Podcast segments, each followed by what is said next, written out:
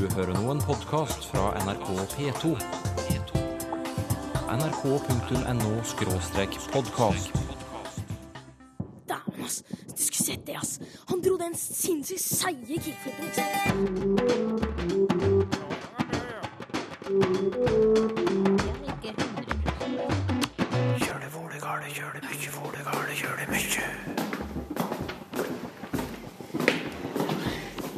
Trapp, Randi Lillehalteren. Hvor mange språk kan du ordet trapp på?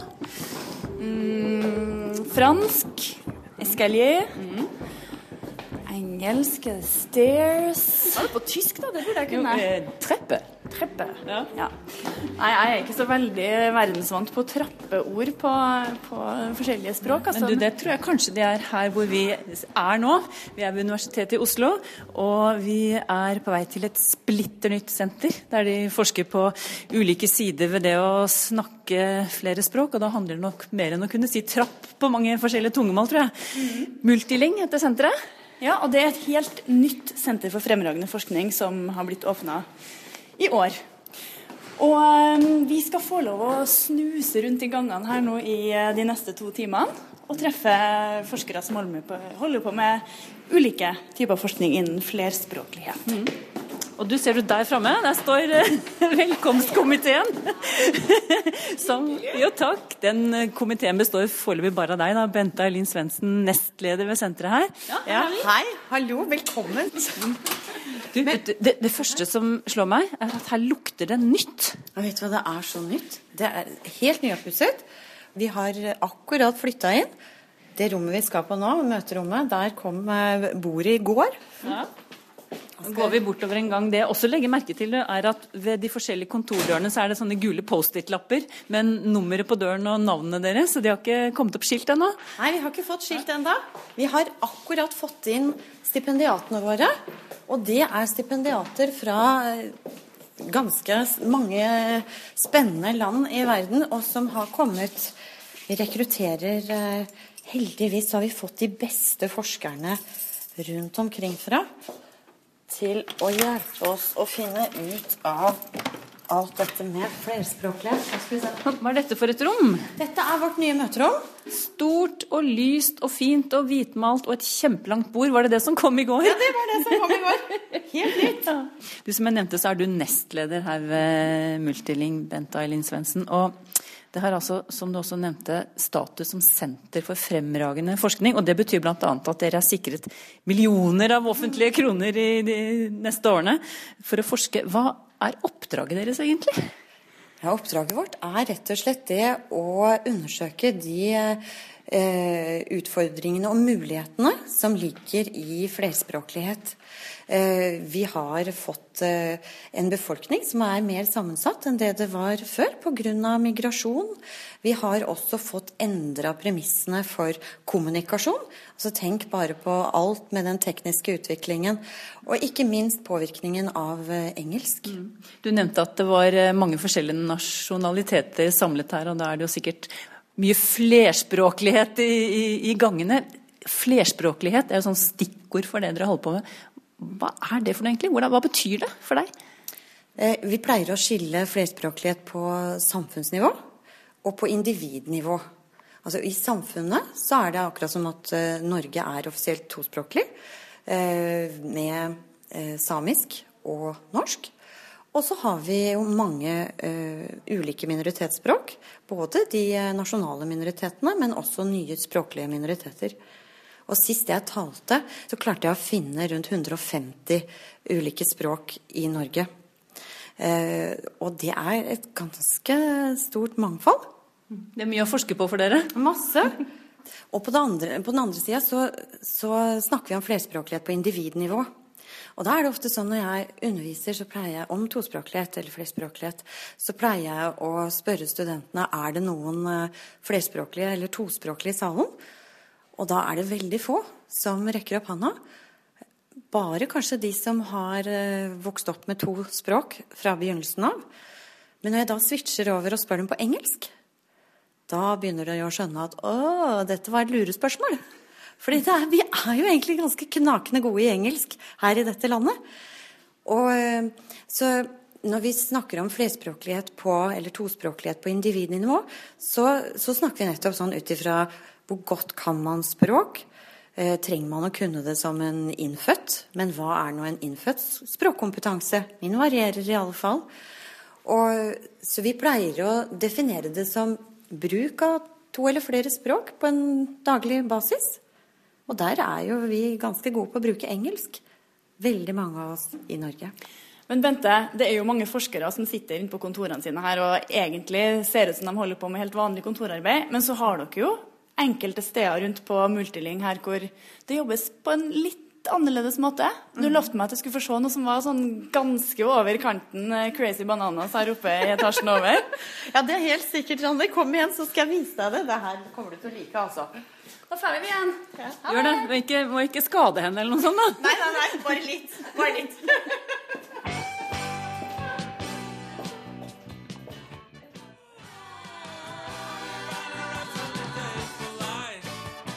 Hjalmar, sang Trond-Viggo Torgersen. Men kollega Randi Lillealteren har ennå ikke gitt lyd fra seg. Hun ble jo tatt med til et merkelig laboratorium her på Multiling.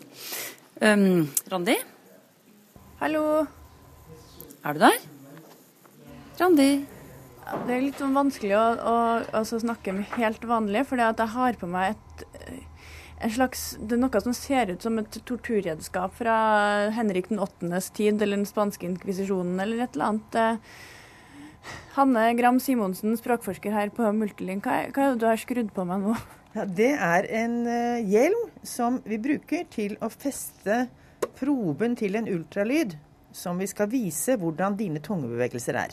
For jeg har faktisk oppunder, oppunder haka nå en, så, så er det en, eh, en sånn ultralydprobe med sånn gelé på, og så kan jeg se tunga mi på en skjerm her når jeg snakker, og den ser ut som en sånn ja, hva skal jeg si da? Det ser ut som et litt sånn ekkelt bløtdyr som er inni et, eh, en hule. Så prøver den å komme ut, men den bare står og hopper opp og ned og danser. Og, så det er et veldig sånn pussig syn å se tunga si på ultralyd. Men Hanne, du har også på deg noe merkelig, for du har to ledninger ut av munnen, så det er litt sånn vanskelig for meg. Det er flere, jeg har lyst til å le når jeg ser på deg, men så klarer jeg det ikke fordi jeg har på den store hjelmen. Hvis du syns at jeg ikke snakker helt eh, som vanlig, så er det fordi jeg har en kunstig gane inni munnen. Den eh, heter en elektropalatograf, og den er en, eh, omtrent som en eh, sånn gane som man får når man har regulering. Eh, men i denne er det festet en masse små elektroder som er koblet til en datamaskin. Og vitsen med den er at man skal kunne se hvor nøyaktig hvor tunger møter ganen i ganen. Og det kan man tydelig se da når man ser på datamaskinen. Og nå kan jeg vise det her. Men jeg, bare, jeg har bare lyst til å beskrive litt mer for, både for en og dem som hører på. fordi Ja. du har altså to ledninger som henger ut av munnen, og som er festa i et sånt liten brikke, som da er putta inn i en boks. Ja, Og så går det en lang ledning fra den boksen og inn i en slags prosessor, som så er kobla til en datamaskin igjen. Ja. Så her er ganske kompliserte Ja, greier. og så må jeg alltid ha mikrofon, for mikrofonen er også med for å kunne høre lyden. Mm. Og alt dette registreres på datamaskinen sammen i et veldig finurlig program. For når vi ser på en annen skjerm her nå, så ser jeg den her eh, tunge, den her musa som eh, tunga mi ser ut som på et, ett bilde. Og så ved siden av der så er det et bilde med masse svarte og hvite firkanter. Men det beskriver din tunge, det, Hanne. Ja, Det er akkurat der hvor min tunge møter ganen, der er det svart. Og der hvor, de, hvor tungen ikke har kontakt med ganen, der er det hvitt. Så der kan man tydelig se akkurat hvor tunge møter ganen gjennom hele min uttale av forskjellige lyder. Men det står skjære og kjære her oppe. Kan ikke du prøve å si det, så ser vi? Skjære, kjære. Så du forskjell? Ja, jeg gjorde det. Når du sa skjære, så var mye mer av, av eh, feltene var svart. Så du Ja, på en måte borti mer mer med frem. tunga. Lenger frem i ganen. Og når jeg sier tjære, så er det mye lenger bak, ser du. Mm. Så det her er hvordan dere skal løse problemet med skje-kje-lyden som ingen får til. Absolutt. Dette er løsningen, faktisk. Det er veldig vanskelig å le med denne saken på. Inger Moen, du jobber sammen med Hanne Gram Simonsen på den her fonetiske laben. Hva er det dere kan finne ut og kan se på de her eh, pussige, rare instrumentene som jeg og Anna har på oss nå? Vi kan se hva som skjer inni munnen når vi snakker. Og eh, vi kjenner jo at tungen beveger seg, og vi kan kjenne at tungen berører ganen. Men det er ikke så lett å kjenne nøyaktig hva som skjer. Og med de instrumentene vi har her, så kan vi se akkurat hva som skjer. Og vi syns at det å vite hva som skjer inni munnen når vi snakker, det er faktisk ganske viktig. Fordi det å, å snakke er et veldig viktig kommunikasjonsmiddel. Altså vi, vi, kan ha språk i hodet, og vi kan skrive, men hvis vi ikke kan uttale ordene sånn at andre forstår det, da har vi mistet noe av kommunikasjonen. Men ved det her så kan dere altså ganske, dere kan på millimeteren vite hvor tunga treffer ganen. Ja. Og, og, hvordan tunga beveger seg inn i munnen. Men hva kan dere bruke det, den kunnskapen til? Eh, vi kan bruke den eh, Først og fremst syns vi den er nyttig i forbindelse med personer som har talevansker av en eller annen grunn. Og, eh, og det kan være mange grunner til det. For da kan de samtidig se tungebevegelsene. Og så kan vi ha to bilder på skjermen. Et som viser hva som er den vanlige, normale tungebevegelsen. Og så kan de selv prøve å etterape det. Og samtidig så hører de lydene. Og det viser seg at hvis vi både kan se og høre samtidig, så er det lettere for oss å få til uh, normale lyder. Og um, et siste område som jeg har lyst til å nevne, fordi det er knyttet opp mot det store forskningsprosjektet som vi har nå, som går på personer med flere språk. Og da vet vi jo at det er ulik tungebevegelse fra språk til språk. F.eks. en T og en D uttalt på norsk og en T og en D uttalt på engelsk. Det kan høres helt like ut, men Hanne og jeg har vist at tungebevegelsen er forskjellig. Og, eh, vi, og, det er interessant å se på hvilke måter forskjellige språk bruker tungen. Og når det da gjelder flerspråklighet, så lurer vi også på hva med barn som har vokst opp med flere språk? Har de samme tungebevegelser som de barna som har vokst opp med bare ett av disse språkene? For det kan være interessant å si noe om hvordan hjernen uh, fungerer når vi snakker flere språk. Om det er eh, slik at det blir litt blanding, selv om eh, et barn høres helt ut som innfødt når det snakker norsk, og når det snakker tyrkisk, og når det snakker engelsk. Eh, så kan det være at det er litt forskjeller som vi ikke hører, men som vi kan se. Og det er interessant, for det sier noe om hvordan hjernen øh, strukturerer det vi gjør. Jeg skal prøve litt av noe enn. Så skal jeg prøve å si uh, to do. Eller tønne, dra. T-d. To do. Tønne, dra. Hva er forskjellen? Ja, ja du, du, hadde den lenger bak når du sa to do enn når du sa tønne. Tønne, to do, tønne. Ja. Ha. Ser du det selv? Stilig. Ja. og mens eh, makker eh, Randi Lillealteren vikler seg ut av ledninger og måleinnretninger, så griper jeg fatt i deg, Olaf Husby. Hei. Hei. Du er ikke språkforsker ved Multiling, men ved NTNU i Trondheim. Og sammen med gode kolleger der lager du en språkkalender i anledning språkåret. Hva er Språkkalender 2013 for noe? Ja, Vi tar utgangspunkt i ulike problemstillinger knyttet til språk. Så hver dag så kommer vi med nye opplysninger om språk. Hva som skjedde denne uka her. Eh, et sted ord, eh, ei språkmyte, vi har en quiz. Eh, vi har falske venner. Så hver dag så kan man da få oppdatert sin språkkunnskap litt. Hvordan finner lytterne språkkalenderen? Ja, Hvis man søker på NTNU og språkkalender 2013, så vil man komme dit på, på Google. Du nevnte språkmyter. Hver uke presenterer dere en språkmyte. Hva går det ut på? Ja, Det er mange forestillinger om språk, og noen uh, forestillinger har ikke rot i, i virkeligheten, ut ifra det vi vet fra forskning. Så, men de lever likevel, så vi har tenkt at vi kanskje skulle ta knekken på noen av dem. Jeg har bedt deg finne noen myter om flerspråklighet, siden det er et sentralt tema i denne spesialutgaven av Språkteigen. Du skal lese den første myten nå, og stikkordet der er det er tospråklighet er skadelig. Vær så god. Gjennom mange år så vi hevda at tospråklighet er skadelig for barn. Når man utsetter barn for to eller flere språk, så skulle de her språkene komme i veien for hverandre. Og det skulle resultere i språkforvirring og forsinka språktilegnelse. Hypoteser om at tospråklighet var skadelig, ble avvist for rundt 50 år siden, men myter har vært seigliva. Mens noen av dagens forskere vil si at tospråklighet ikke er negativt, vil de fleste mene at den er positiv, ved at tospråklige barn bl.a. har større språklig bevissthet og har fordeler når det gjelder læring og forståelse av omverdenen. Og for oss som er eldre, nyere forskning har vist at tospråklighet bremser demens. Å snakke to språk utsetter symptomer på Alzheimers og andre demenssykdommer med inntil fem år. Olaf Husby dukker opp igjen med flere språkmyter senere i sendingen. Og sluttpoenget hans nå nettopp, at tospråklighet ikke er skadelig, men tvert imot kan være en fordel, det skal vi gå litt nærmere inn på snart. Først Lillebjørn Nilsen og språkets poesi.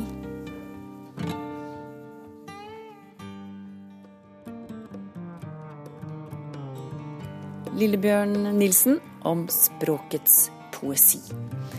Språkteigen besøker Multiling i dag, der de forsker på flerspråklighet. Og som det ble nevnt i sted, å snakke flere tungemål, det kan gi deg fordeler. Mer om det nå. Vi skal forlate Multiling i noen minutter og skru tiden tilbake til en tidligere internasjonal språkkonferanse i Oslo, der kollega Randi Lillalteren møtte en av verdens ledende forskere på flerspråklighet. Oh, sorry, forgot my umbrella. I'm so. En professor som glemmer paraplyen. Ganske typisk. Klakkinga fra de høye hælene. Litt mindre typisk. Uh, my name is Annick de Hauer. I am from Belgium, so it's a Dutch name. I'm from the uh, Dutch speaking part of Belgium. Annick de Hauer kommer fra den flamske delen av Belgia. Landet som nesten holder på å slites i to langs språkgrensa som skiller den fransktalende delen fra den flamsktalende. Hun er professor ved universitetet i Erfurt i Tyskland, og hun har barn med en engelskspråklig mann. So you speak English, French, Dutch and German? I do. Så er det også flerspråklighet som ble The Howers spesialfelt. Uh, when I was 16 or so, I was I was able to speak English and Dutch. Although you know English, I had just started to speak it hmm, a few years before. I thought, well, how is it possible that I can speak two languages? How's that possible? So that got me interested in uh, studying bilingualism, or at least I thought, well, you know, in order to understand what I can do now, I've got to go to, to the roots. That means to where it starts. Hun er i dag en av verdens fremste eksperter på barn som vokser opp med to eller flere språk. Det er bred enighet blant forskerne om at det er mange fordeler med å kunne snakke flere språk. Men slik har det ikke alltid vært. Uh, you know, the 1920s, 1930s, even, and later, uh, when um, when um, psychologists were claiming that bilinguals are um, basically morons, so very, very stupid, uh, and that uh, it causes uh, schizophrenia. And there are still many, many, many speech and language pathologists, teachers, parents, people all over who think that it is really bad for children to grow up with more than one language, that it's really going to hurt them, that it's going to make them uh, confused, um, chaotic, they'll never belong anywhere, and things like that. Det fins fremdeles gamle fordommer om flerspråklighet, sier De Hauer. Mange tror barn kan bli forvirra av å lære flere språk, og at de vil føle at de ikke hører til noe sted. Men det her stemmer altså slett ikke. Tvert imot er det bevist at det er mange fordeler med å vokse opp med to eller flere språk. Et innlysende fortrinn er at du kan kommunisere med flere mennesker rundt i verden.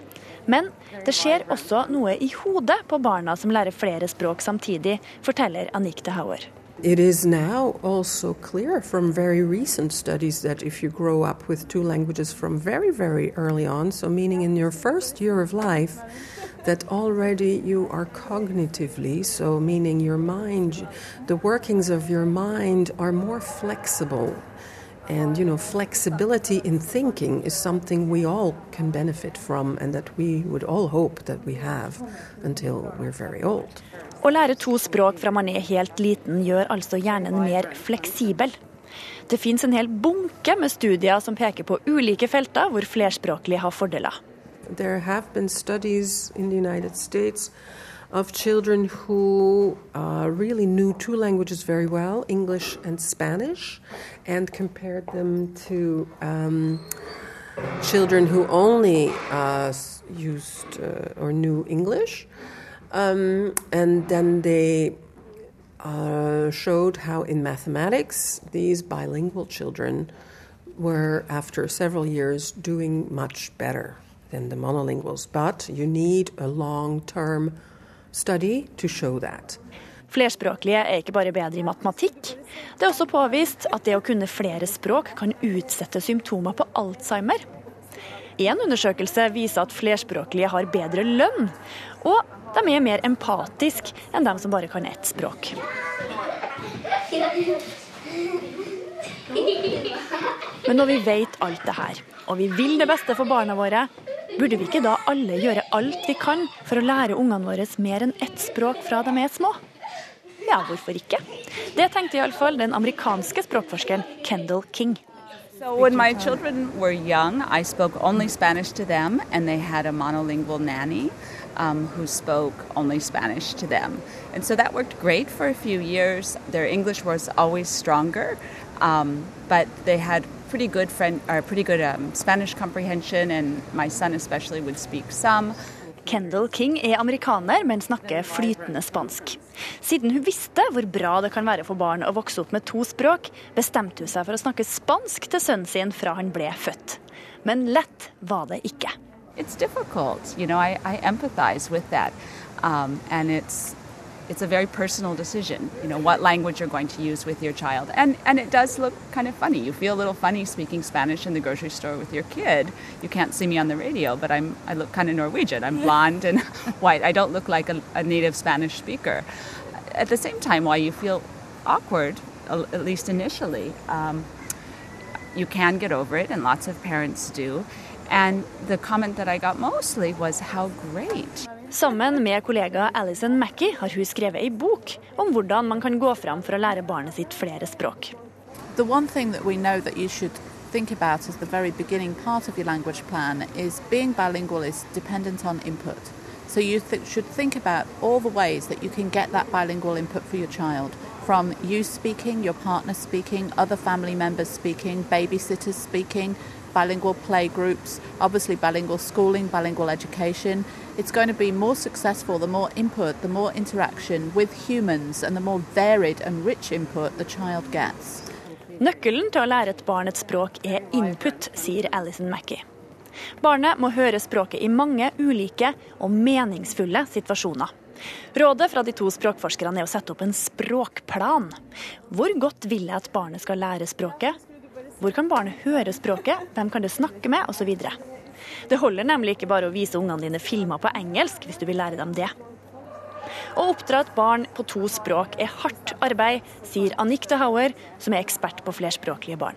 It's a lot of work to raise a bilingual child and to um, make sure that, yes, they do have enough input and they have enough opportunities to speak the language. Not just this with this one person, but also with other people. And that's a lot of work and a big challenge. Og hvem har overskudd til det? Etter at ungene er henta i barnehagen, middagen er laga, leksene er gjort, ungene har vært på fotballtrening og oppvaska, og klesvask hus, husvask Uff, ja. Nesten litt godt å høre at sjøl ikke den amerikanske språkforskeren har greid å stå løpet helt ut. Um, then, you know, Um, a different part of the U.S. where there's many fewer Spanish speakers. We had our second child, so I have to admit I no longer speak Spanish as regularly as I used to. You know, to be honest, he's not equally proficient in both languages. Du hører på en to timers spesialutgave av Språkteigen. Og nå er det Wayne Marshalls lekne pianofingre som skal få snakke litt. Let's call the whole thing off.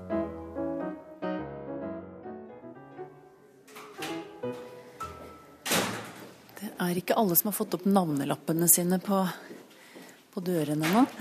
Men nå skal jeg ikke inn på et kontor, jeg skal inn i et lite kafferom. Og det Pauserom står det her. Nummer 542. Med melk? Med, med melk, ja, men da får du det. Det er ikke noe vanskelig. Der kommer den. Helt ny, flott kaffemaskin, eh, Hanne Gram Simonsen. Den er god Ja, å ha. Den er veldig god å ha. Det er møteplassen vår. Så her møtes vi til eh, faglige og andre samtaler rundt det. Pernille er glad i sjokolade. Det lukter sjokolade, faktisk. Ja, ja, det får hun. Pernille Hansen som fikk sjokolade. Men du Hva heter sjokolade på polsk, vet du det? Uh, jeg vet ikke hva det heter på polsk, men jeg vet at på tyrkisk så heter det chocolata. Så det er ganske likt. Det er et sånn type ord som ofte er ganske likt på mange språk, fordi mange kulturer har fått sjokolade relativt nylig. Hva gjør dere når dere ikke står her og lager dere forfriskninger og, og gjetter på hva kaffe og sjokolade heter på diverse språk, Pernille? Jo, altså nå sitter vi akkurat her med en PC fordi vi eh, nylig har fått inn eh, nye data fra et eh, polsk barn på rundt omkring fem år fra en barnehage. Vi reiser nå rundt og har flere prosjekter der vi samler inn eh, data fra eh, både polske og tyrkiske barn, både veldig ganske små og, og rundt fem år, for å se på ordforrådet deres. Men eh, hvorfor gjør dere det, da? Eh, ordforrådet er en veldig viktig indikator faktisk på hva, hvordan språkutviklingen er. Eh, og Derfor så undersøker vi nå ordforrådet, og det gjør vi nå hos de flerspråklige barna. Og for å finne ut mer om det, og for å vite eventuelt om vi kan identifisere språkavvik. Ja, Hva kan det gå på, da? Altså Ordforråd er en veldig viktig sånn markør for det, om de har språkavvik eller ikke. Og eh, det er sånn at eh, flerspråklige barn har ofte et mindre ordforråd i hvert av språkene sine enn eh, enspråklige barn har. Men samlet har de ikke nødvendigvis det. Hvorfor har de mindre ordforråd i et av språkene sine? Fordi de eh, ofte bruker språkene i forskjellige kontekster. De snakker med, noe snakker de i familien om, og noe snakker de om andre steder. Så det er helt naturlig at de vil ha forskjellig ordforrådsstørrelse etter hva de snakker om, rett og slett. Du sier at du har en, en PC her, Pernille. Kan du gi et eksempel på hvordan dere undersøker ordforråd hos disse flerspråklige barna? Hos de barna som er sånn rundt fem år, eh, så har vi eh, lagd et, eh, et lite slags spill nesten på PC-en sammen med eh, forskere i Polen ved universitetet i Warszawa. Eh, og da kan det f.eks. høres sånn her ut når vi tester polsk, eh, eller undersøker polsk vokabular. Kto? Hva betyr det? Eh, det vet jeg ikke, jeg kan ikke nok uh, polsk til det. Men det, er, det her er da verbdelen, så den spør da typisk om uh, hvem er det som gråter, og så skal du velge riktig bilde. Ja, For det er bilde av en som gråter, da. Ja. For jeg, sånn at, men, men jeg kan ikke nok eh, polsk til å vite dette, men da er det jo fint at, at maskinen vår og programmet, denne spillet, eh, det, det kan polsk. Så vi får undersøkt både polsk og norsk. Og litt av poenget her er jo det at veldig mange av de, de måtene å kartlegge på tidligere, der har man bare undersøkt norsk. Og så har man sett at, eh, at flerspråklige barn har et lavt vokabular og alt dette her, og så har man ikke undersøkt eh, morsmålet samtidig. Eh, så vi tror at det er veldig viktig å få et, eh, et bilde på et gitt tidspunkt av begge språk. språk. Men, men hvordan vet dere når det er et språkavvik, og når det er innenfor normalen? Eh, For å vite det, så må man faktisk ha et eh, grunnlagsmateriale som normerer testen i forhold til. Og det er det vi holder på med nå. Nå prøver vi, vi, vi eh, har ikke noen barn som har noe mistanke om språkavvik her, men vi prøver å lage et grunnlagsmateriale på flerspråklige barn, så vi kan vite hva vi kan vente av dem. Og da tenker jeg, siden du sier at flerspråklige barn kan ha et mindre ordforråd på hvert av språkene, men til sammen ha et like stort ordforråd som norskspråklige barn, eh, betyr det at den normen for flerspråklige barn, hva som er innenfor normalen, den, det ser litt annerledes ut for dem da, enn en for de barna som har vokst opp med norsk?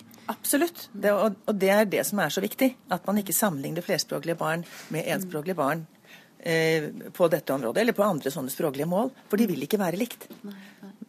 Men hva, dette sier dere, dette eksisterer ikke per i dag, så hva slags utslag kan det gjøre? At man ikke har en sånn norm? Jo, det, det vi eh, har sett, er at det kan føre til både overidentifisering, at barn blir, får en merkelapp de ikke har, at de ikke har en språkvanske, eh, og eh, underdiagnostisering, at barn som faktisk eh, burde få hjelp, ikke får det, fordi man ikke har noen måte å finne det ut eh, tidlig nok. Det beste er jo hvis vi kan komme inn før de begynner på skolen, til de barna som trenger det. Eh, med å hjelpe dem med språket deres. Overdiagnostisering, sier du. Hva, hva kan det føre til? Jo, altså det, Å få en merkelapp om at du har et språkavvik fordi du er tospråklig, det er ganske ille. Og, og det er det man godt kan få. Fordi eh, man har ikke Man kan godt ha et lavere vokabular på eh, norsk f.eks., og så ser det ut som at du ligger langt etter at du har et språkproblem. Og det har du ikke. Men du er flerspråklig. Og da har du et samlet ordforråd som er like bra. Men du har ikke det norske ordforrådet som de norske barna har. Hvis de har et mindre ordforråd på norsk enn andre barn på egen alder, er ikke det et problem, da? Eh, det kan være det, men eh, litt av eh, det vi vil gjøre, er å finne ut mer om hvordan det faktisk er. Fordi at det, er, det trengs mer forskning på ordforråd hos tospråklige barn i Norge. Uh, og det er jo derfor Vi har valgt ut våre grupper ikke helt tilfeldig. Altså Vi har den tyrkiske gruppa som har vært her lenge, og der, der uh, ofte vil en av foreldrene ha vokst opp her, kanskje begge. Og så har vi valgt polske barn fordi at, uh, at mange av dem har kommet Eller mange av foreldrene deres har kommet nylig. og det er jo per i dag den største gruppa med nye innvandrere til Norge.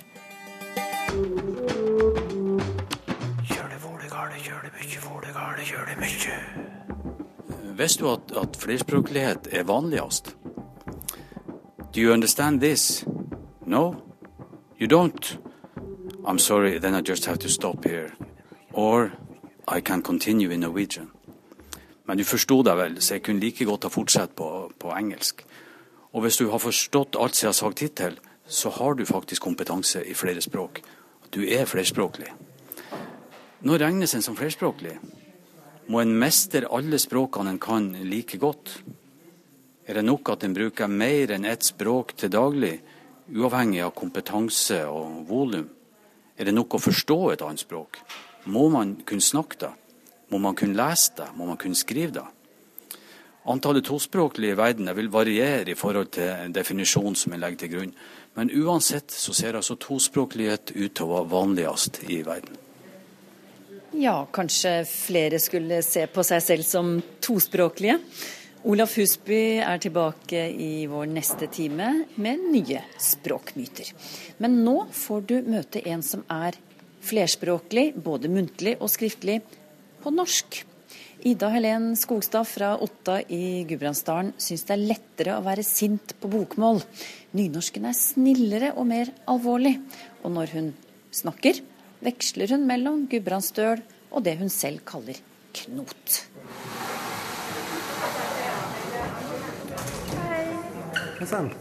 Ida Helen Skogstad står på kaffebar i Bergen. Dagens kaffe, eh, hva er det?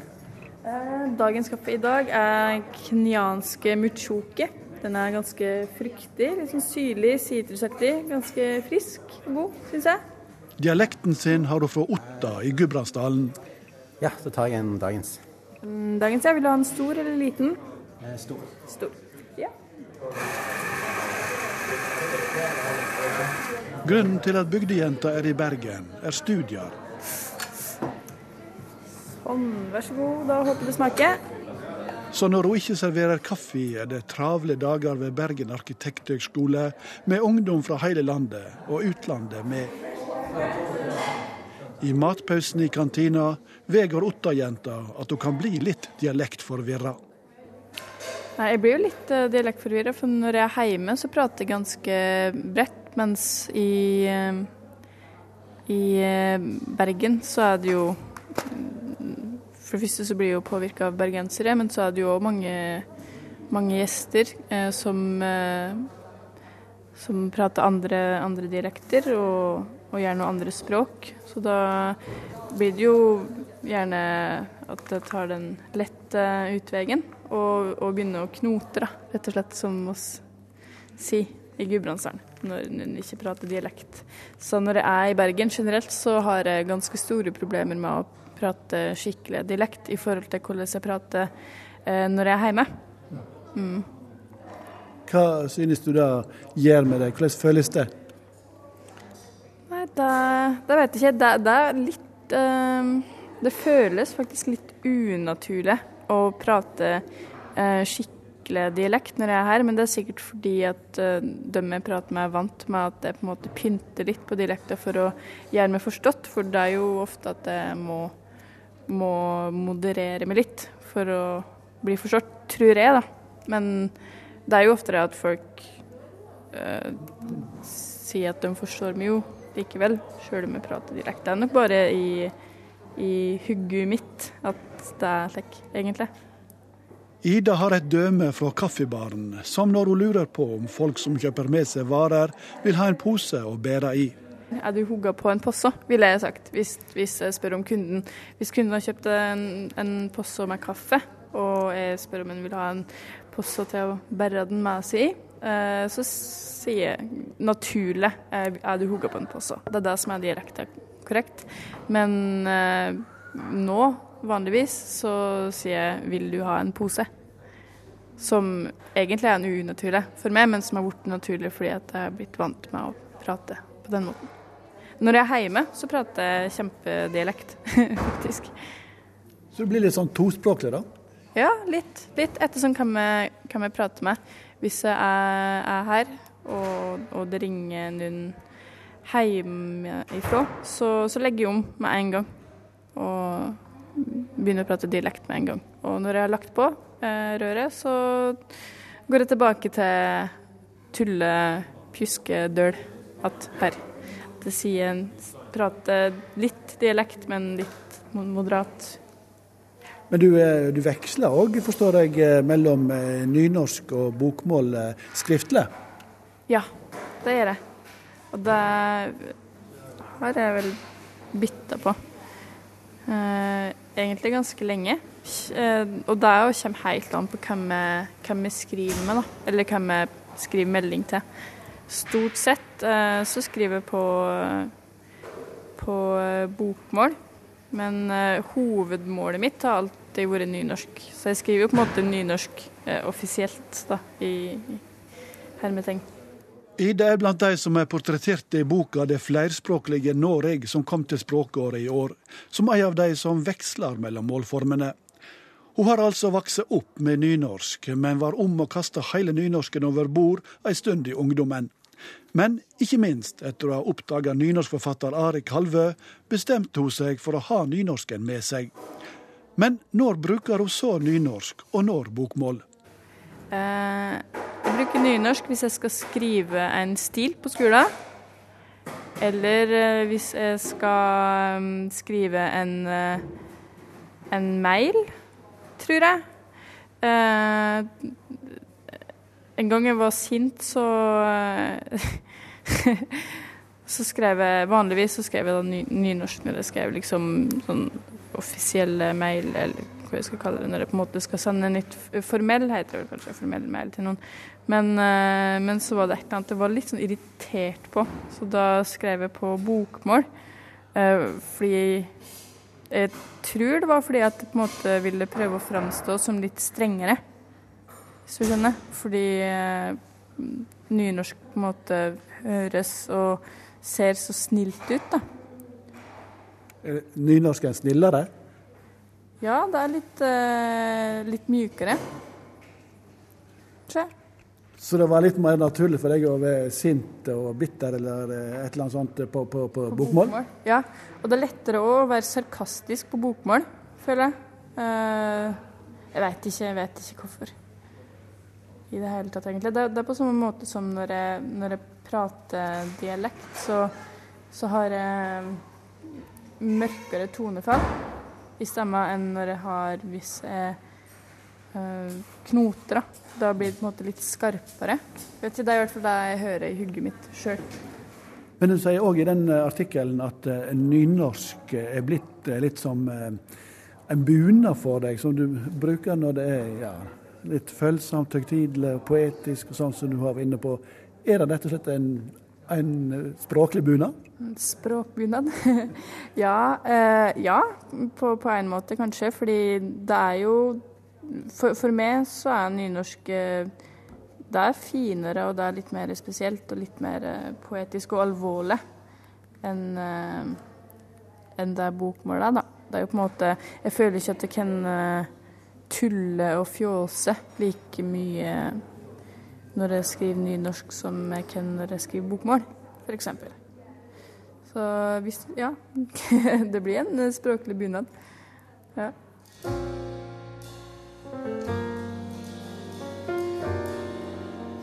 Nynorsk like staselig som en bunad, synes Ida Helen Skogstad. Reporter Magnar Branseth hadde tatt turen til Bergen for å møte henne.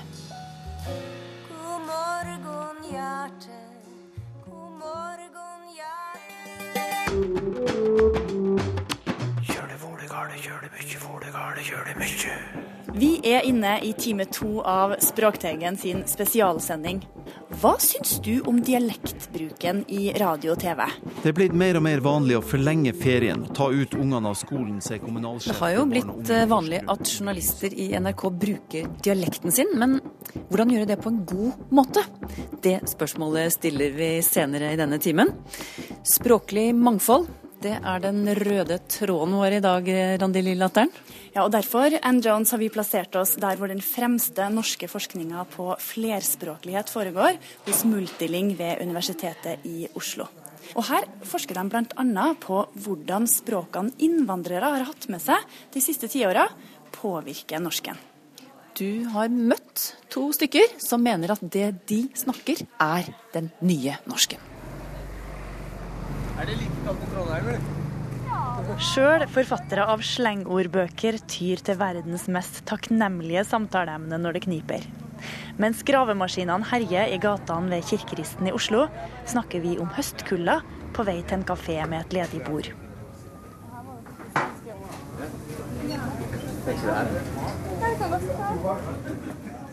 Gulled Abdi og kompisen Tan Fatngen er begge 19 år og kommer fra Ellingsrud i Oslo. Gulled har nettopp gitt ut sin første bok, 'Den nye norsken', ei ordbok over slenguttrykkene som er mest i bruk blant unge i Oslo. Jeg har lest den fra perm til perm. Egentlig så tenkte jeg skulle begynne litt med å utfordre dere litt, da. Det er jo veldig mye ord fra engelsk, og så ganske mye fra norsk. Og så er det ganske mange gamle slengord. Så Mm. jeg vil jo påstå at egentlig så skjønner jeg veldig masse av det, selv om jeg er dobbelt så gammel som dere. så den skal utfordre dere, for jeg tror jeg kommer til å forstå hva dere sier, da. Ja. Så prøv også å si noe, snakk sammen, og så prøv at jeg ikke skal forstå det. Skal vi se. Eh. Jeg prøver å tenke her. Det er veldig, noe som er veldig eh, vanskelig. Eh, skal vi gli til byen og hooke et par mabs og grise? Jeg skjønte det. Du skjønte det? Eh, Kom på noe Hei, Borja, skal vi rulle over til studio, eller? Skjønte du? Jeg skjønte det òg. Men det er fordi du har lest boken, er det ikke? Hva med Har du lalla den jakka? Skjønte du det? Ah, Jeg har boka. er det mulig? Men det er ikke sikkert du som hører på har lest boka til Gulled.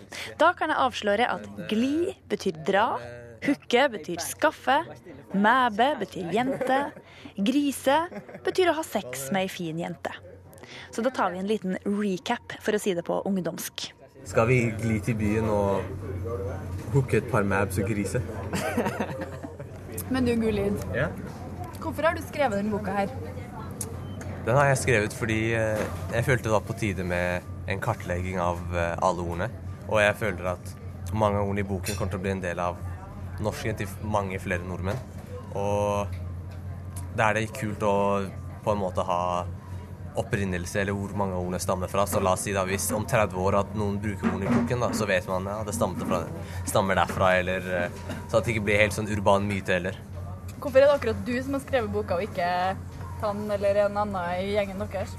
Nei, det var, eh, det var en app app-idé som ble en bok. Så viste, det var en app som jeg hadde utviklet. Så viste jeg til tanten min, som kjenner eh, en foreleger, som var interessert i å gjøre noe om til en bok. Så eh, sånn ble det en bok. Men fortell om den appen, da. Ja, det, det var en uh, slang Det var bok, bare digitalt. Det var, uh, den hadde ikke så veldig mange ord, den hadde typ 10-15 ord. Hvor det var slangord. Og så sto det definert akkurat på samme måte som det gjør i boken. Så det ble ikke en app, da, men det ble en bok. Det er, det er greit, det òg. Det er egentlig ganske naturlig at bokideen sprang ut fra en app. Gulled Abdi driver nemlig sitt eget selskap som utvikler apper for smarttelefoner og nettbrett. Det er litt moro egentlig at så, så små ting, eller ting starter i det små. Så det var bare en liten eh, Jeg hadde bare lyst til å kartlegge de ordene jeg kunne, og sånn, så skrev jeg ned en typ 10-15 ord. Og den kom ikke ut i AppStore før eh, det ble til en bok. OK. Men er den i AppStore nå? Nei, ikke ennå. Men du ja, jobber videre med det? Eh, ja, jeg tror det. Eller i hvert fall det er det forlaget jeg, jeg tror vi skal jobbe videre med det. Få en digital versjon av boken.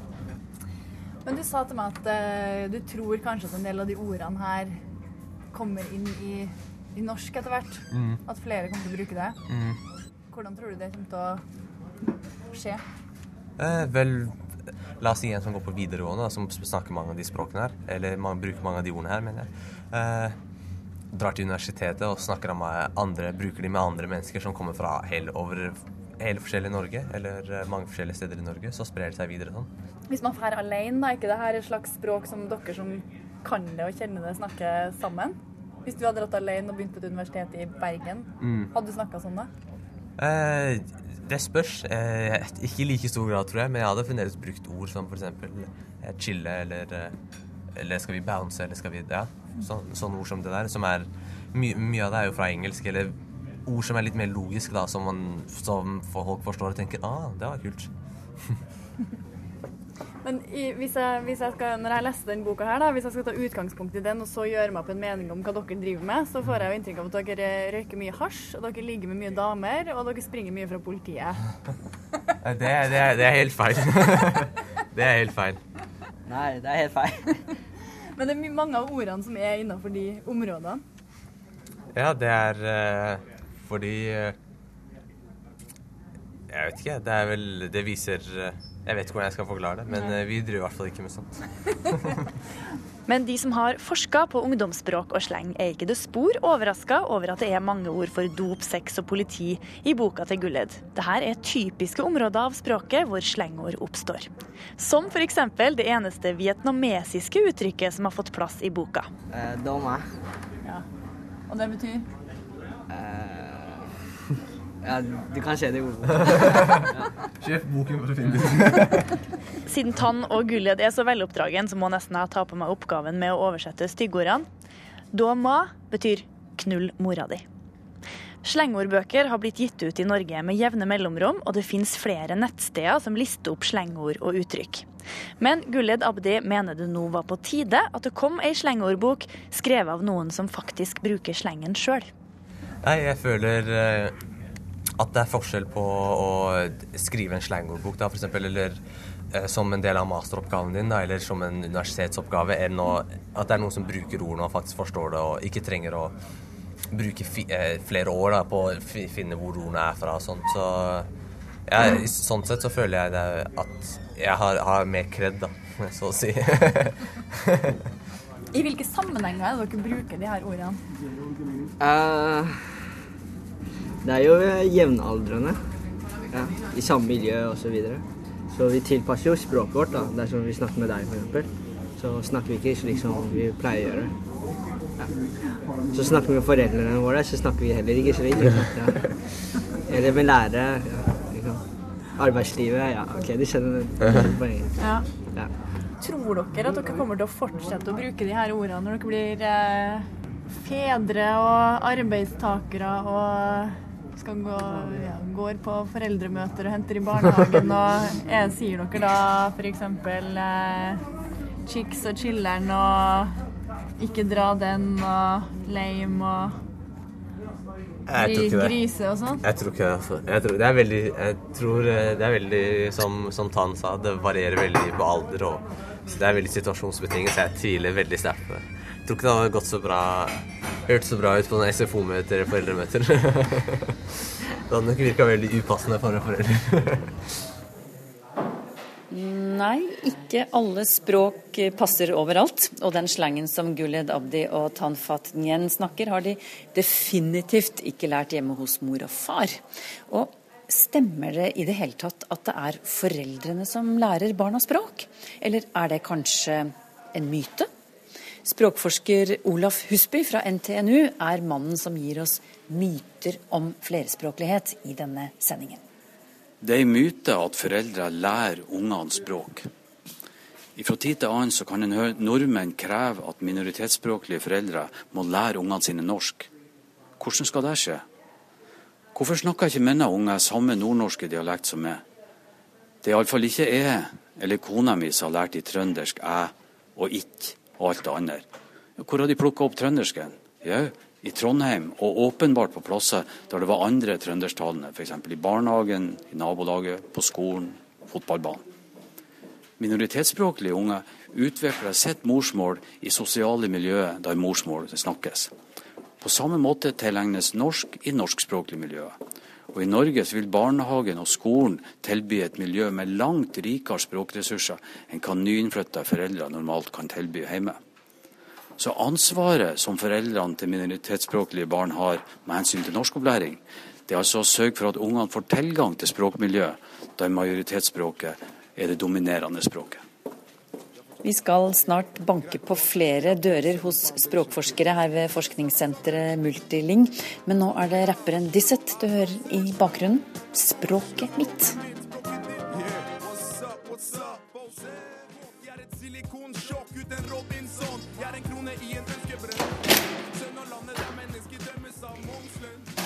Nå har jeg en avtale med Jan Svennevig. Og han skulle være inne på tekstlaboratoriet. Skal vi se. Det tror jeg er her. Hundremeterskogen står det her. Oh, døren var låst. Hallo, Jan Svennevig. Er det her du er? Her er jeg. Hva gjør du her på tekstlaboratoriet? Du, her er jeg inne og snakker litt med Kristin, Kristin Hagen, om hvordan det går med transkribering av eh, noen samtaler mellom lege og pasient. Som du skal bruke? Ja, det er noe jeg har tenkt også å begynne å se litt på. For her er det da både leger med innvandrerbakgrunn og pasienter med innvandrerbakgrunn som jeg er veldig interessert i å se nærmere på. Mhm. Vi kan komme litt tilbake til det, men tekstlaboratorium, Kristin Hagen, hva er det for noe? Ja, vi gjør veldig mange forskjellige ting, men akkurat for Jan og Multiling så jobber vi med talespråkskorpus. Hva betyr det? Det betyr at vi eh, eh, samler på eh, folk som snakker sammen i forskjellige sammenhenger. Enten tar vi opp sjøl, eller vi får opptak av folk som snakker. Så transkriberer vi det de sier. Hva betyr det? Det betyr at vi skriver ned akkurat det de sier. Og så bearbeider vi det etterpå og putter det i en database, sånn at det blir søkbart for forskere som vil jobbe med talespråk. Så bra. Men du Jan, hva kan du bruke opptak av samtaler mellom leger og, leger og pasienter til? Ja, det, som er, det at det er i databaser, gjør bl.a. at man kan søke på enten det er ord eller andre fenomener som man er interessert i å få en samling av, sånn at man kan få mange tilfeller av det. Men eh, for min del så er det jo også bare relevant å se på den enkelte samtale. eh, hva slags problemer som oppstår, eller hva slags gode løsninger som finnes eh, når man har et språkproblem. Viktig at lege og pasient forstår hverandre, da. Det er jo veldig vesentlig, så, så det føles absolutt meningsfullt og relevant for, for verden. Dette forstår jeg er noe du skal jobbe med litt sånn lenger fram i tid. Men skal vi gå ut herfra fra laboratoriet så ikke vi forstyrrer dem som jobber her? Og så um, er jeg jo litt interessert i å høre hva du jobber med akkurat nå, da. Vi kan jo gå ned til kontoret ditt mens du forteller. Hva er det du holder på med akkurat nå? Du, jeg holder på med flere typer samtaler hvor den ene parten snakker norsk som andrespråk. Og da er det nettopp den der utfordringen i at uh, av og til så blir det enten vanskelig å, å vite om man er blitt forstått ordentlig, eller uh, vanskelig å vite om man, om man forstår hva, hva den andre sier. Så alle sånne samtalerutiner som vi bruker til å sjekke om vi forstår hva den andre sier, til å sjekke om vi har blitt forstått selv, det er noe jeg ser på. Vi må gå litt i trapper mens vi snakker, da. Vi var i sjette etasje nå, var vi det? Ja, det er sjette etasje. Jeg holder tekstlaboratoriet til, og Multiling opptar hele fjerde etasje Ja. av dette bygget. Ja, Det er bare fint å få luftet seg litt. Ja. Um, Så du undersøker om folk Hva folk gjør for å sjekke at de blir forstått mens de snakker sammen? Ja. ja. Eller selv forstår. Ja. Så det er jo mange ting vi gjør. Vi repeterer, vi omformulerer, vi, vi eh, deler opp og snakker tydelig og sakte, og det er veldig mye sånne ting vi Ja. gjør, ikke sant? Hvordan går du fram for å undersøke de her eh, samtalene mellom eh, en som da har norsk som førstespråk, og en som ikke har det som sitt førstespråk? Hvordan gjør du det?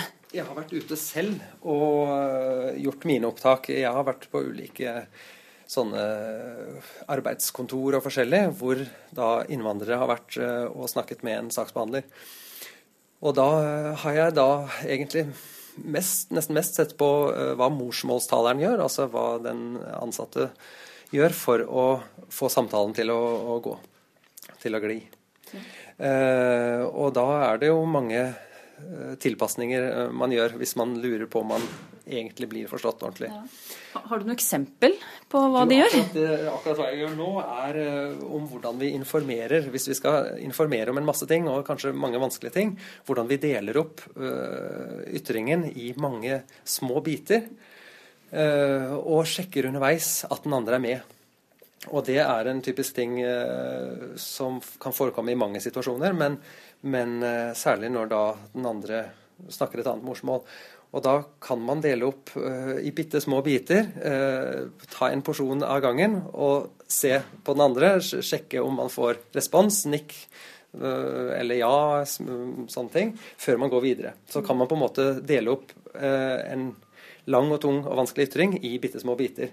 Du, du har um, en tekst på skjermen din her, for nå er vi på kontoret ditt. Ja, nå har vi kommet inn her, og her sitter jeg med en, et lite idéutkast jeg har. Og her er det faktisk ikke mine samtaler, men eh, en helt annen situasjon. Det er helsekommunikasjon i Tanzania, faktisk. Så dette her er en norsk helsearbeider som snakker med en, en eh, lege fra Tanzania om, eh, om kommunikasjon med små barn. Og her er det da at den norske da helsearbeideren eh, sier so eh, Skal vi se et lite øyeblikk. Her har vi den, ja. Eh, so I talked to Andrea. Så svarer Andrea yes, og nikker. Um, and then you look. Så henvender hun seg til eh, faren som sitter ved siden av. Og han yes, og smiler. Uh, and then when we finish mhm, to talk, I will ask you, okay, what you thought about what you heard. Ok. okay. Så her har vi altså en, eh, en mengde instruksjoner på en måte som kommer, eh, som blir delt opp i bitte små biter, hvor hun da stopper opp, eh, lar intonasjonen gli opp for å vise at jeg er ikke ferdig, jeg skal si mer, men tar en pause, ser på samtalepartneren og får et ja og et nikk før hun går videre, tar en ny bit, samme, samme da, intonasjon, pause, og, og så tar hun en bitte liten bit av gangen. Og på den måten så får man på en måte eh, tatt små steg og eh, gitt mulighet også til da, samtalepartneren til å si fra hvis det er noe som er vanskelig underveis, framfor å komme med en lang informerende bit, og så sitter den andre og ser kanskje spørrende ut, eller nikker og sier ja, men man lurer da ofte på har vedkommende egentlig forstått eller ikke. Så ser vi at dette er en fin måte å, å få med seg steg for steg, da få med seg samtalepartneren. Så det er nokså uh, små og u, udramatiske ting, som å, å gjenta og omformulere, eh, spørre er du med, skjønner hva jeg mener, sånne ting. Men eh, når vi begynner å se på hvordan det virker, og når det blir problemer, når det ikke blir problemer, så ser vi at det er, det er veldig viktige små ting vi, vi gjør, og som noen er flinke til å gjøre, andre ikke så flinke. Sånn at det er klart at her er det ting som kan også læres, man kan bli mer bevisst på å bruke disse rutinene, og dermed også å forbedre forbedre kommunikasjon. Så målet med dette her er jo for så vidt å håpe at eh, verden kan bli litt bedre, at folk kan tenke mer over hvordan de snakker når de snakker med en som uh, har da ikke full, full norsk kompetanse.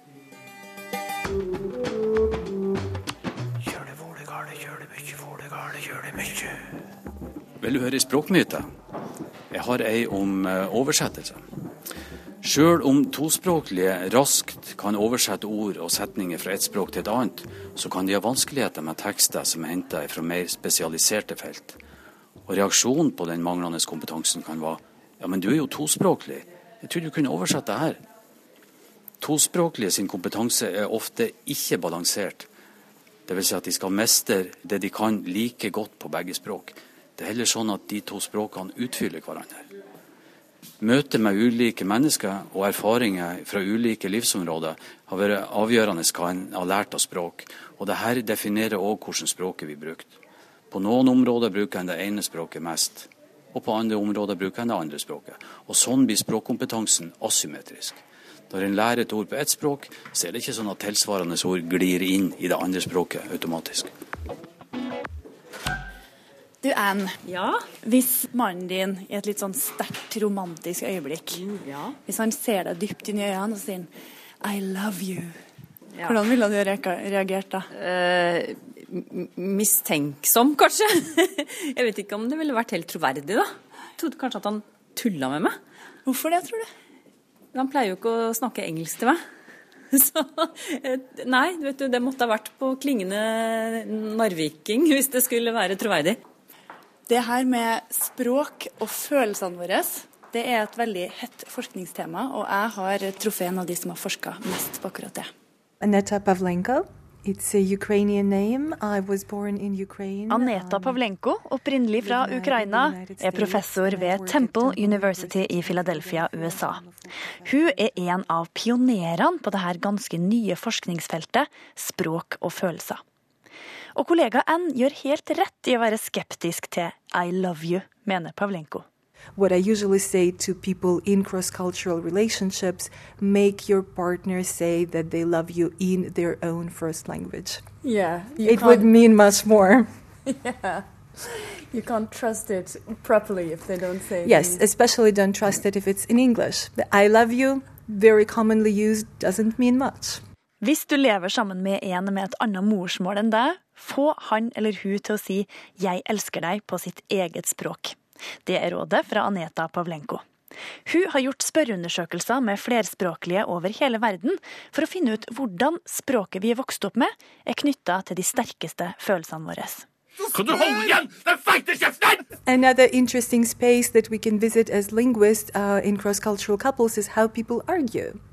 And one of the very interesting things we now know is that when people um, argue and they have two different languages, two different first languages, each one may go into their own first language when they want to express really strong emotions.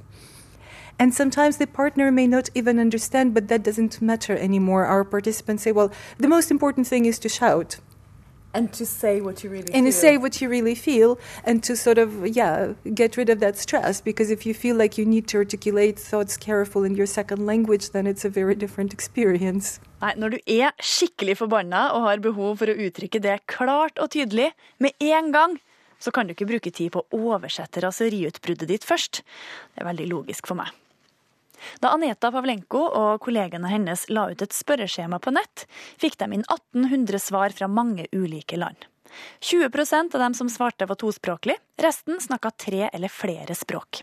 Alderen strakk seg fra 16 til 73 år, og de hadde 71 forskjellige morsmål. so really Andre forskere har brukt løgndetektor for å finne sammenhenger mellom språk og følelser.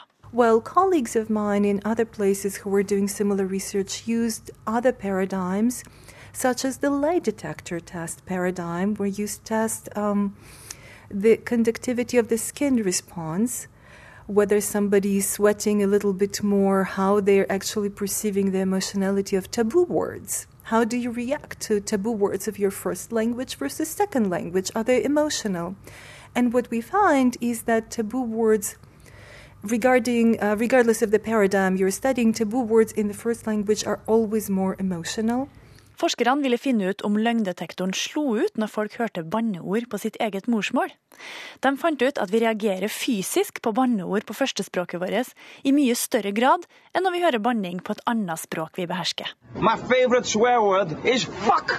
De innerste følelsene våre formidler vi best på morsmålet vårt, og vi reagerer følelsesmessig når vi hører sterke ord på vårt eget språk. Men hvorfor er det slik? Av med buksa.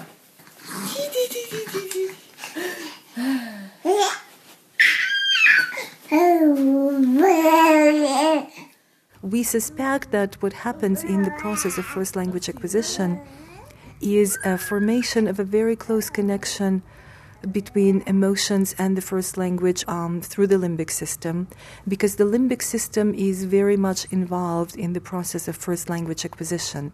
Det limbiske systemet er den delen av hjernen som kontrollerer følelsene våre. Forskerne tror at det dannes sterke koblinger mellom følelser og det første språket vi lærer, via det limbiske systemet. Men denne delen av hjernen er ikke så aktiv når man senere lærer et nytt språk på skolen. When you learn the language in the classroom, uh, your uh, emotional system is not involved in the same way, so the language is decontextualized to you, which is why taboo words and swear words in a foreign language are completely painless to you.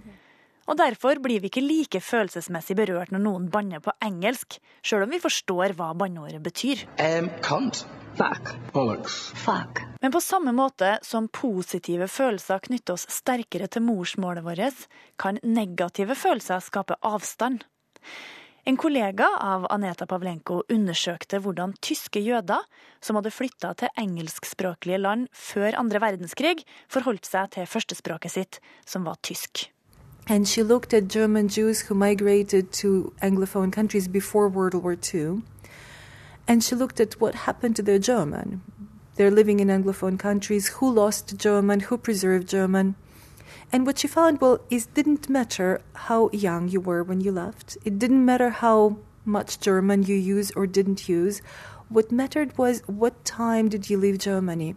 The Jews who left Germany after the Kristallnacht were so traumatized that they decided to give up the German and they formed a very negative emotional representation of German. They were the ones who lost the most German.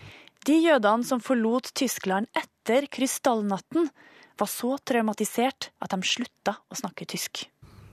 So, what that tells us is sometimes people are very willing and able to give up their first language and that emotional connection if some very negative events happen in their lives. But that is also feelings. That is So also it's feelings, exactly. negative feelings connected exactly. to So your it's not always positive feelings, it could be very negative feelings connected to your first language. Språk og følelser henger sammen. Du hører på en spesialutgave av Språkteigen, der språklig mangfold er gjennomgangstema. Her kommer svensk-samiske Sofia Janok med Jaurit joike, som betyr 'sjøene synger'.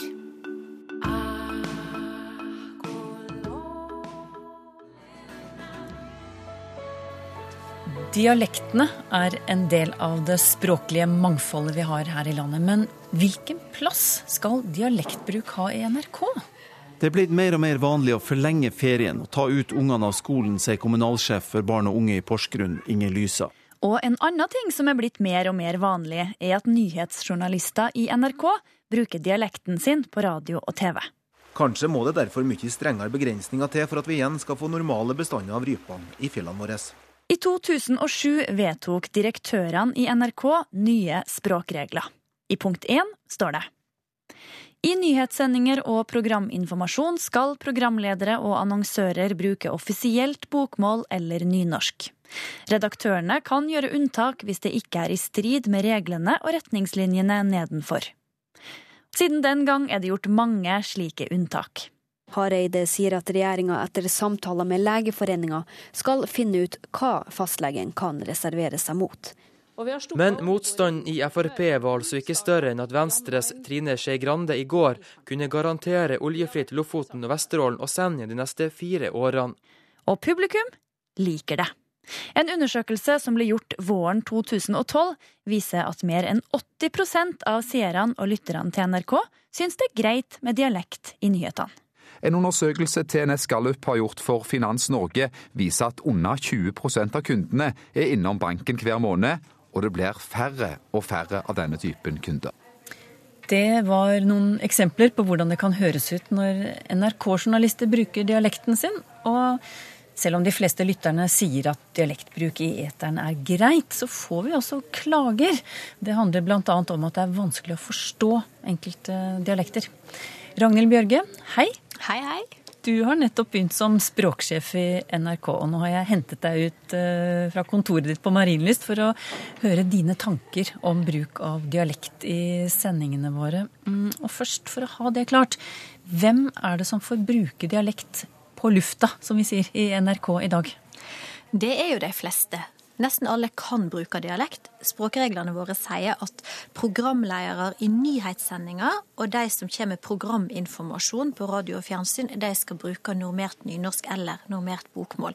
Men resten, altså i alle andre sendinger, nyhetsinnslag og reportasjer og sånn, så kan en bruke dialekt. Også i riksdekkende sendinger, men da må de stette en del krav som også er i resten av språkreglene våre. F.eks. at det skal være forståelig, og at en uttaler stadnavn rett osv. Men eh, vi åpner for at de fleste faktisk kan bruke dialekten sin i dag. Mm.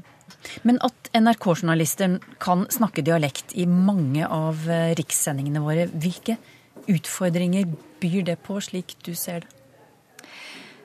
Som du sier, så kommer det jo noen klager på at eh, noen dialekter er vanskelige, og noen ord er vanskelige.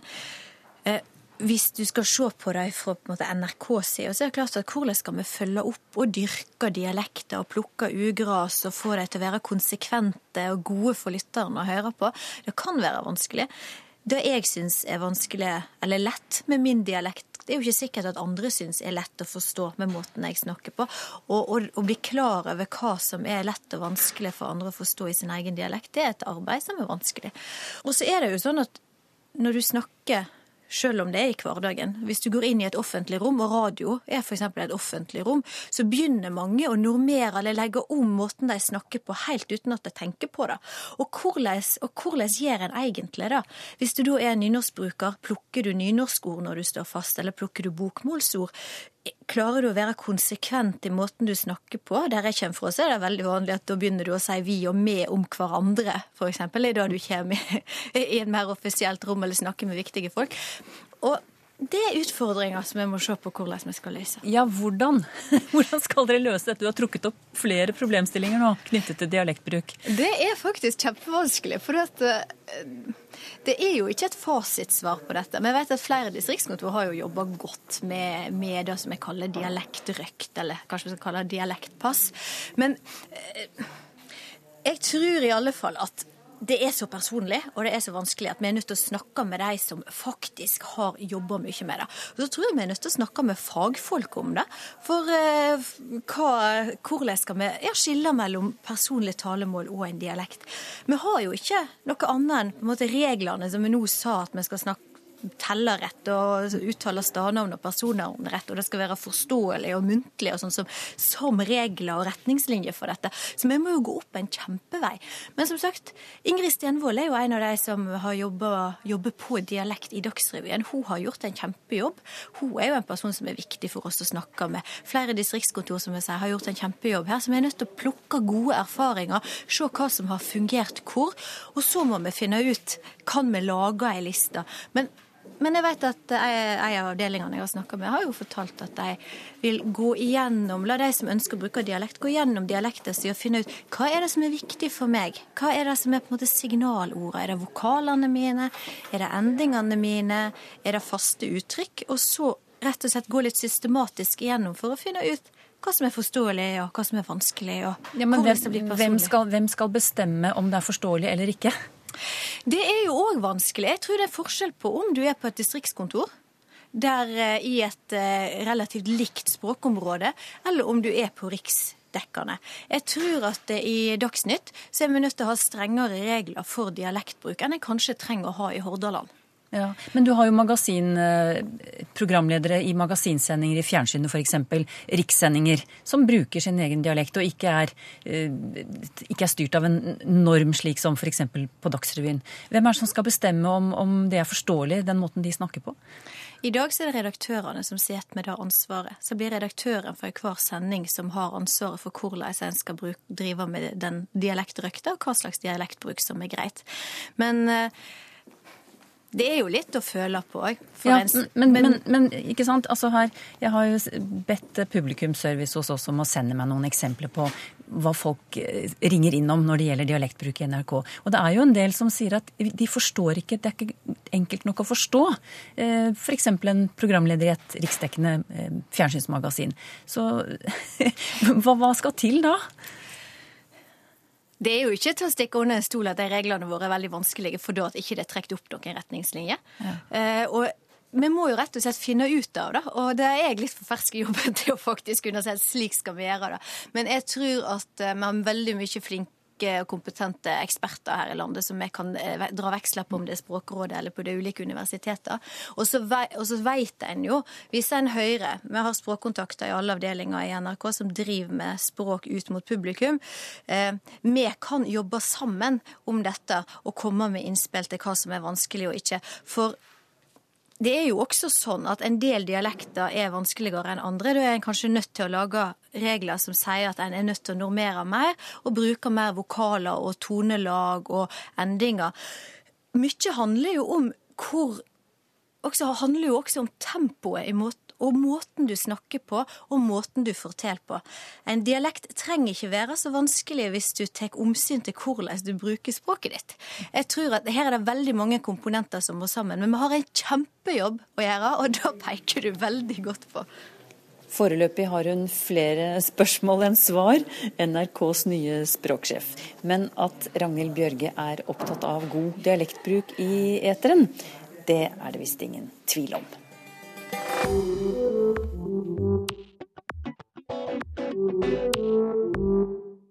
Det er jo ikke noe nytt med språklig mangfold i Norge. Som vi snakka med språksjefen i NRK om nå nettopp, så er det et vell av dialekter. Og det finnes også mange ulike minoritetsspråk i Norge. Og jeg er dem som har jobba ganske mye med akkurat det. Hun sitter her inne. Hei, hei. Hei, hei. Hei, Pia. Nå snakker vi kvensk, vi. Ja. det hørtes kanskje ikke helt sånn ut? Nei, men uh, hei er jo ofte sånne ord som man låner med seg fra andre språk. Og det brukes jo for så vidt i noen dialekter i Finland òg, så kanskje var det et gammelt låneord fra svensk. Pia Lein hun er språkforsker her ved Multiling ved Universitetet i Oslo og kommer fra kvenbygda Buggenes i uh, Finnmark. Du har jo forska mye på kvensk språk, og nå er man i gang med å lage et kvensk skriftspråk. Hva syns kvener og folk som snakker kvensk om at det blir laga et skriftspråk av eh, språket deres? Det er nesten som å vise folk eh, eller 100 personer et maleri, og så spør du hva syns du om det, og så får du sikkert like mange svar som antall personer du spør. Så, så, det går faktisk ikke an å komme med et enkelt svar og si noe om hva alle kvener mener om skriftspråket. Pia, du jobber med, har starta et nytt prosjekt nå hvor eh, dere skal undersøke hvordan språkbrukere forholder seg til de nye skriftnormene som lages. Og dette gjelder jo ikke bare for kvensk, det gjelder for eh, mange minoritetsspråk som finnes i Europa. Hva er det dere gjør i dette prosjektet? Ja, jeg fikk ideen til prosjektet da jeg jobba eh, da jeg var med på Kvensk språkråd og skulle tenke gjennom hvordan vi kunne lage et skriftspråk for kvensk på en god måte. Eh, og, og det finnes jo mange sånne gamle historiske minoritetsspråk i Europa. Over 60. Kan du nevne noen eksempler? Altså, vi har språk som er i en situasjon som ligner på kvensk. At kan, man kan på en måte si at de har et slags moderspråk i et annet land. Sånn, så vårt søsterspråk er jo meänkieli i, i Sverige. Eh, vi har tysk i Danmark. Eh, ungarsk snakkes i masse forskjellige europeiske land. Men nå vil du altså se på hvordan både kvener og folk som snakker de her ulike minoritetsspråkene i Europa, forholder seg til de nye skriftspråkene som blir laga nå i dag. Hva er det du vil finne ut? Det vi skal se på, da, vi er fire stykker. For det er jo ikke sånn at vi kan undersøke 60 språk i Europa på tre år. Det går ikke. Så vi, vi har liksom én språksituasjon hver, og så samarbeider vi med forskere i andre europeiske land og, og deler erfaringer. Men det, det vi ser på, er hva tenker språkbrukere når de, når de får en skriftstandard for, for sitt for dem er det kanskje ikke et minoritetsspråk, det kan jo være med majoritet det viktigste språket på et sted, men i nasjonal eh, statssammenheng så snakker vi om minoritetsspråk. Så hvordan opplever de det hvis de aldri har skrevet morsmålet sitt, og så får de plutselig muligheten til å gjøre det? Eh, blir de glade? Eh, opplever de at dette her er noe som er veldig viktig for dem, en del av deres identitet? Eh, er de mer skeptiske? Eller tenker de at det ikke ligner nok på den dialekten de snakker, for noen opplever det sånn. I tilfelle med, med kvensk så har du hele spekteret. Sånn, du har noen Det er veldig interessant, spesielt unge språkbrukere som eh, faktisk begynner å lære seg kvensk og melder seg på kvenskkurs i Oslo. Og de har aldri brukt språket. Jeg snakka med noen av dem og, og, de, og spurte dem liksom, hvorfor gjør du det nå, hvorfor har du ikke tatt finsk? Så sier de nei, men jeg vil lære kvensk fordi det er en del av min historie og min arv og identitet og den jeg er. Men bare for å ta en liten sånn kort faktaboks her inne nå, hva er Mm. forskjellen på kvensk og finsk? Det, det korte svaret på forskjellen mellom kvensk og finsk er at vi har ganske lik grammatikk og uttale, men det er faktisk veldig, veldig stor forskjell i ordforråd. Og det er det som stenger aller mest for forståelse. Fordi hvis du, du kan tenke deg hvis du bøyer et verb i fortid på norsk. Sånn, så hvis noen bruker en A i fortid, sant? de sier 'hoppa', og noen andre sier 'hoppet', så trenger du bare høre noen få verb hvis du er ny liksom, for de formene, og så, og så skjønner du at dette her gjentas, det er det det betyr. Men i ordforråd så, så har du et problem. Og grunnen til at forskjellen i ordforrådet er så stor, er at de kvenske dialektene har beholdt gamle lånord fra svensk, som ble fjerna i finsken i Finland. Også ord som jeg da jeg vokste opp trodde var norske, men eh, de kom jo fra, fra svensk. Ja, har du noen eksempler på det? Eh, handoki, eh, som for, altså håndkle. Eh, og doki, altså duk som man da legger på bordet, det er også eh, låneord fra svensk. Gardini. Eh, verho heter det på finsk, men det, det var låneord fra, fra svensk. Som, som da ble rensket ut av eh, skriftspråket i Finland på 1800-tallet. På samme tid som vi liksom renset bort minoritetsspråk i Norge, for det var liksom den nasjonalromantiske ideen om språk. Så vi har da de gamle svenske låneordene, og så har vi nye norske låneord. Som selvfølgelig sant, Mine forfedre hadde jo ikke noe for kjøleskap. For det fantes ikke, så da, da måtte de lage det. Ja. Og da heter det Kølekapi. Eller kjøleskapi. Det er veld, veldig stor variasjon. Men når man skal lage et skriftspråk for et minoritetsspråk, hvilke utfordringer oppstår da? Det er veldig mange utfordringer. For uansett hva man gjør, så vil noen språkbrukere føle at de ikke finner nok av sin egen dialekt der. Eller egentlig så vil jo alle føle at noe mangler. Altså Når man lager i skriftspråk, så må man alltid velge bort ord og former. Men alle gamle skriftspråk, der har noen en gang i tida tatt alle de valgene. Det er bare at vi tenker ikke over det nå lenger. For vi ser på skriftspråket som noe evig og bestandig, og noe som er gitt. I engelsk f.eks., da var jo skriftspråket mye nærmere uttalen en gang. Eh, Men så har uttalen endret seg, og skriftspråket henger etter. Så sånn sett er det veldig interessant å se ja, men hva skjer da hvis vi lager skriftspråk for minoritetsspråk. Fordi det kan også fortelle oss noe om hva vi kan forvente hvis vi skal lage en ny reskrivingsnorm for bokmål f.eks. Eller for engelsk. Så de erfaringene dere vil få eh, ut fra det prosjektet her, det kan kanskje da brukes hvis bokmål eller engelsk skal reformeres. Så kan man se på, på de resultatene dere har fått. Ja, de kan se på eh, resultatene vi har fått, og det vi har lært om hva språkbrukerne tenker. Altså hva slags type reaksjoner kan man forvente å få. Nei, men Da er vi spent på hva dere finner ut, Pia. Da får vi snakke mer om det senere. Ja, får komme om et års tid. Ja.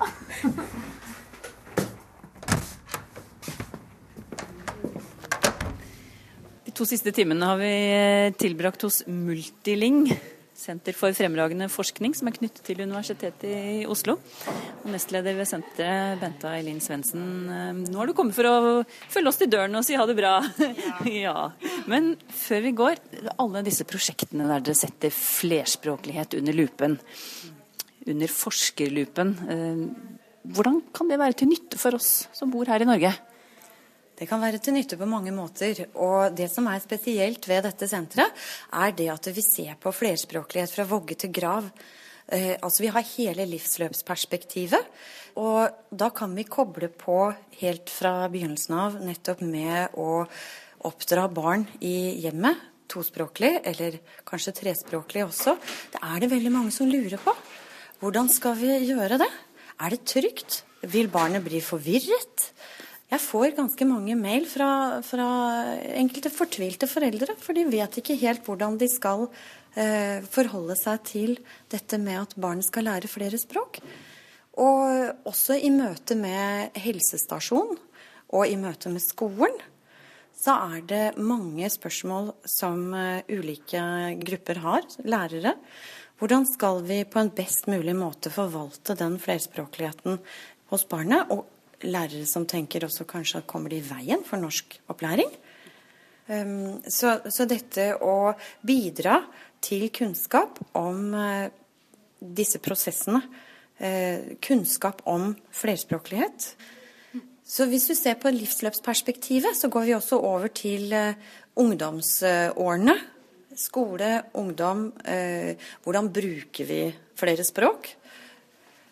Kommer oppover. Vi vet veldig lite om uh, aldring. Flerspråklighet og aldring er det lite forskning på. Dette er viktige spørsmål fordi at vi får en, eller har en sammensatt uh, befolkning hvor både helsepersonell og eh, pasient kan ha ulike språk. Hvordan foregår den kommunikasjonen? Og ikke minst det som er veldig spennende med altså er det kognitive fordeler av flerspråklighet? Det vet vi en del om at det synes å være det. At man holder hjernen så å si mer i trim. At det også er et aspekt som vil være ved senteret vårt. Ser du for deg at um, noe av det dere holder på med her, også kan være med på å gjøre det lettere å bli integrert og inkludert i det norske samfunnet for mennesker som kommer fra andre land og bosetter seg her? Ja, det mener jeg at det kan. Det at vi får økt kunnskap om feltet, eh, kan jo nettopp da være med på å sette premisser for Endre premisser for eh, hvordan opplæring organiseres, f.eks. Det kan også være med på å gi saksbehandlere på ulike offentlige kontorer kunnskap om hvordan man sikrer forståelser i intervjuer, i samtaler med flerspråklige. Og eh, en viktig del av det å framskaffe kunnskap, det handler nettopp om å normalisere dette med flerspråklighet. Fordi det er ikke så annerledes prosesser enn de tilfellene vi har hatt av språkkontakt i Norge tidligere. Det er bare en ny type språkkontakt. Det er eh, nye grupper mennesker som møter hverandre. Så det å fremskaffe kunnskap kan bidra til å normalisere noe som kan kanskje fremstå som eksotisk, og, og hvilket det ikke er. Det høres ut som dere har nok av eh, temaer å ta tak i, Bente Eileen Svendsen. Ja, det er virkelig det. Virkelig det, altså. Så nei, nå gleder jeg meg. Nå er det bare å brette opp ermene. Dere får komme dere av gårde, så jeg får begynt. vi får finne den trappa igjen, vi da, Randi, som vi gikk og hoppet i da vi, skulle, da vi kom hit for to timer siden. Men nå er jeg litt usikker på om vi skal gå til høyre eller venstre, Bent Eileen. Hvilken retning er det? Vi skal bare fortsette rett fram der, og så ned til høyre. Aha, gjennom den doble glassdøren? Ja, og alle, og alle pappveskene som står der, som ikke er ryddet bort ennå? Ha det bra.